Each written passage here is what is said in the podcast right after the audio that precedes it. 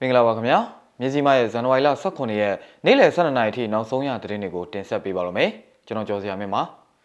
ဖာပုံမြို့နယ်က BGF တပ်စခန်းကို KNL တပ်မဟာ9တပ်ဖွဲ့ကတိုက်ခိုက်သိမ်းပိုက်တဲ့တဲ့မန္တလေးဦးဖို့တောင်နီးမှာရှိတဲ့အချင်းဦးစီးဌာနတင်တန်းကျောင်းပုံပြစ်ခံရတဲ့တဲ့ပလဲမြို့နယ်မုံတွင်ရွာတွင်စစ်ကောင်စီတပ်ဖျက်ဆီးလူရဲနေတဲ့တဲ့နဲ့ကိုဗစ်အရှုပ်ထွေးကြောင့်ပြင်သစ်ဆရာဆရာမတွေလမ်းပေါ်ထွက်ဆန္ဒပြတဲ့တဲ့အစရှိတဲ့ပြည်တွင်းနဲ့နိုင်ငံတကာသတင်းတွေကိုတင်ဆက်ပေးပါရမယ်ခင်ဗျာ။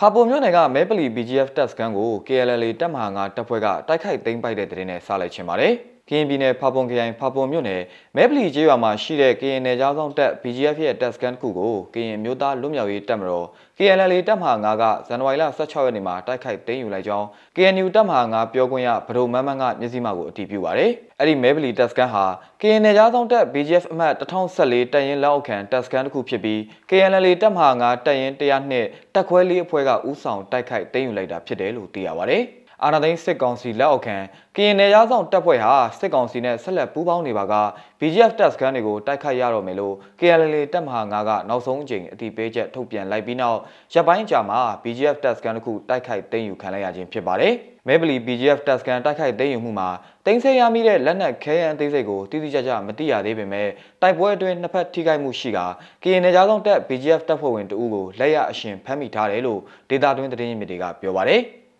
BGF တပ်ဖွဲ့တွေဟာကရင်ပြည်သူလူထုနဲ့တိုင်းရင်းသားပြည်သူတရက်လုံးအကျိုးကိုလှစ်လျူရှုပြီးဆရာနာရှင်ကိုဆက်လက်ဝိုင်းဝန်းကူညီနေပါကကရင်လူမျိုးချင်းချင်းမတိုက်ခိုက်လို့တော့လဲစစ်ကောင်စီတပ်ဖွဲ့တွေနဲ့တရားတဲ့တတ်မှတ်ပြီး KNL တပ်မဟာ9နယ်မြေမှာရှိတဲ့မြစ်တိနေရာမဆိုတိုက်ခိုက်တော့မယ်လို့အချက်9ချက်ပါဝင်တဲ့ကြေညာချက်တစ်စောင်ကို KNL တပ်မဟာ9ကဇန်နဝါရီလ12ရက်နေ့ကထုတ်ပြန်ထားပါတယ်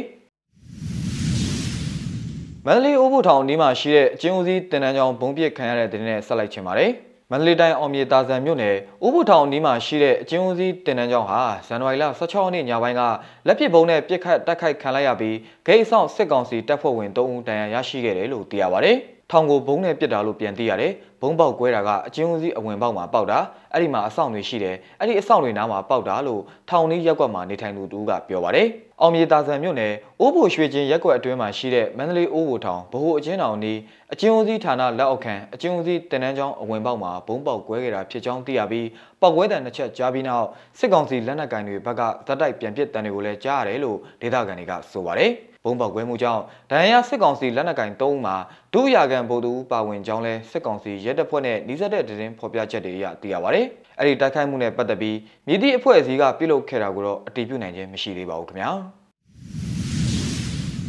ဆက်လက်ပြီးပလဲမြို့နယ်မုံသွင်းရွာအတွင်းစစ်ကောင်စီတပ်ဖျက်ဆီးလူရဲနေတဲ့တဲ့တင်ကိုတင်ဆက်ပေးပါမယ်။ စကိုင်းတိုင်းပလဲမြို့နယ်မုံသွင်းရွာမှာစစ်ကောင်စီတပ်တွေဝင်ရောက်တပ်ဆွဲပြီးနေအိမ်အတွင်းမှာရှိတဲ့တံမိုးကြီးပစ္စည်းတွေကိုယူဆောင်ကအချို့ကိုဖျက်ဆီးထားခဲ့တယ်လို့ဒေသခံတွေကမျက်စိမှကိုပြောပါရယ်။ပလဲမြို့နယ်နောက်ဖက်10မိုင်ခန့်ဝေးတဲ့မုံတင်ကျွော်မှာစစ်ကောင်စီတပ်အင်အား300ခန့်တပ်ဆွဲထားတာဟာ300ခန့်ရှိပြီဖြစ်ပြီးဒေသခံပြည်သူတွေရဲ့ပစ္စည်းတွေကိုနေ့စဉ်ဖျက်ဆီးလူရဲနေတာဖြစ်ပါတယ်။ရွာထဲဝင်ဝင်နေတာတော့300လောက်ရှိပြီ။ရွာဝန်းကျင်မှာလည်းကင်းမုံတွေချထားတယ် ရွာကိုပြန်လာတဲ့သူတွေကိုဖမ်းပြီးပြည်သူ့ကာကွယ်ရေးတပ်တွေဗမာရှိလဲစုံစမ်းဖို့ရွာသားတွေလည်းမပြန်ရဲကြဘူးလို့ရကိုရှောင်နေကြရတယ်ဒလန်တွေကလည်းလမ်းပြပေးတာတွေလုပ်နေတယ်လို့မုံတွင်ကျွော်ကထွက်ပြေးခဲ့ရတဲ့ဒေသခံတွေကပြောပါတယ်မုံသွရွာဟာအင်ဂျီထောင်ငါကန်ရှိတဲ့ရွာကြီးဖြစ်ပြီးစစ်ကောင်စီတပ်တွေမရောက်လာမီဒေသခံအများစုထွက်ပြေးတိမ်းရှောင်နေရကအချို့သာရာတင်းကြန့်ရှိနေကြတာဖြစ်ပါတယ်။ဒါ့အပြင်မုံသွရွာနီးမှာစစ်ကောင်စီတပ်နဲ့ပြည်သူ့ကာကွယ်ရေးတပ်တို့တိုက်ပွဲဖြစ်ပွားခြင်းမရှိဘဲစစ်ကောင်စီတပ်ဖက်ကလက်နက်ကြီးတွေနဲ့ပစ်ခတ်မှုတွေရှိနေတယ်လို့လည်း စစ်ဘေးရှောင်တွေထံကနေသိရပါတယ်ခင်ဗျာ။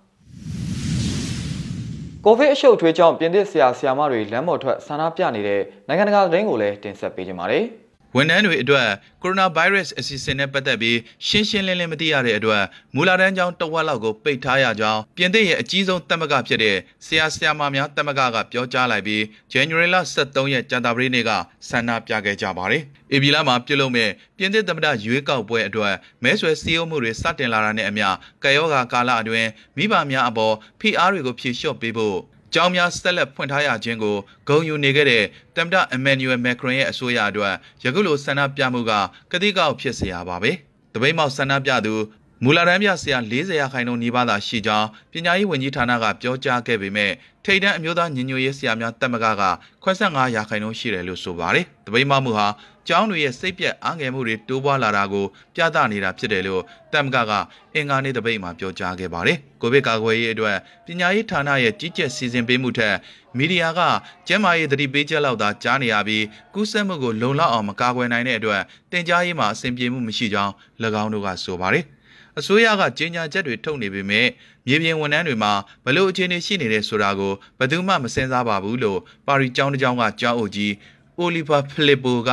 AFP ကိုပြောပြပါဗျ။ကျောင်းသားများဖျားနာပြီး လူတွေအတန်းများနဲ့အဝေးတင်တင် जा မှုကိုပေါင်းဆက်ဖို့ခက်ခဲခြင်းကြောင့်ကျောင်းနဲ့မတူဘဲနေကလေးရင်းကျောင်းနဲ့တူနေတယ်လို့တမကကဆိုပါတယ်။မိဘတချို့ကလည်းအခုလိုဆရာဆရာမတွေလမ်းပေါ်ထွက်ဆန္ဒပြတာကိုထောက်ခံတယ်လို့ AFP ကိုပြောကြပါတယ်။ဆရာတွေနဲ့သူတို့အနေအထားကိုနားလည်ပါတယ်။တင် जा ချိန်ကအရန်များနေတယ်။လာစာကမလုံလောက်ဘူး။ဒါကြောင့်သူတို့ရဲ့အလုပ်ကအဆင်မပြေတော့ဘူးလို့ပါရီအရှိမြောက်ပိုင်းကကျောင်းတစ်ကျောင်းရဲ့ရှေ့မှာကျောင်းသားမိဘတို့ကဆိုပါတယ်။သူတို့တောင်းဆိုတာကိုနားလည်ပါတယ်။အဲ့ဒါတရားမျှတတယ်။ ငါတို့ကိုအနှောက်အယှက်ဖြစ်အောင်လုပ်နေတာမဟုတ်ဘူးလို့၎င်းကဆိုပါတယ်မြစီမရဲ့ဇန်နဝါရီလ18ရက်နေ့လယ်12နာရီထိနောက်ဆုံးရသတင်းတွေကိုတင်ဆက်ပေးကြတာပါမြန်မာပြည်သူပြည်သားပေါင်းဘေးရန်ရဲ့မြို့မြို့ကနေကင်းဝေးကြပါစေခင်ဗျာ